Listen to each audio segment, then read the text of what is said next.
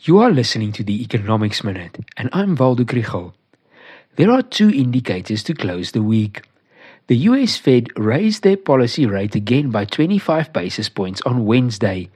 But what does this mean for our repo rate?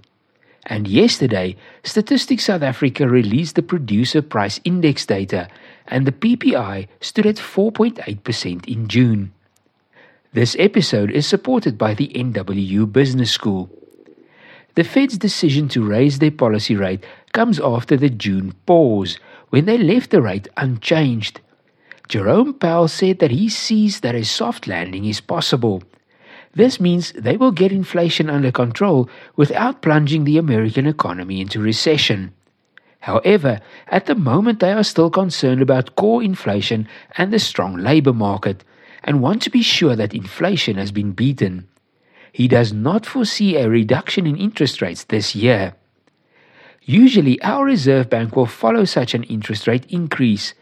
If the US interest rates rise, the dollar usually strengthens and the cost of our imports rise. To counter this, the repo rate is increased. I don't think we need to worry too much about that right now because neither the Fed nor our Monetary Policy Committee have meetings in August.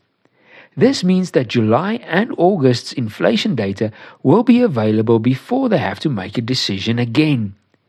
Our June CPI inflation figure has decreased nicely and stands at 5.4%. Inflation on the production side stood at 4.8% in June.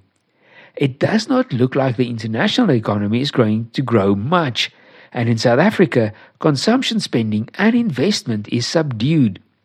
If inflation rate continues to decrease, it improves the chance that the Reserve Bank can once again leave the repo rate unchanged.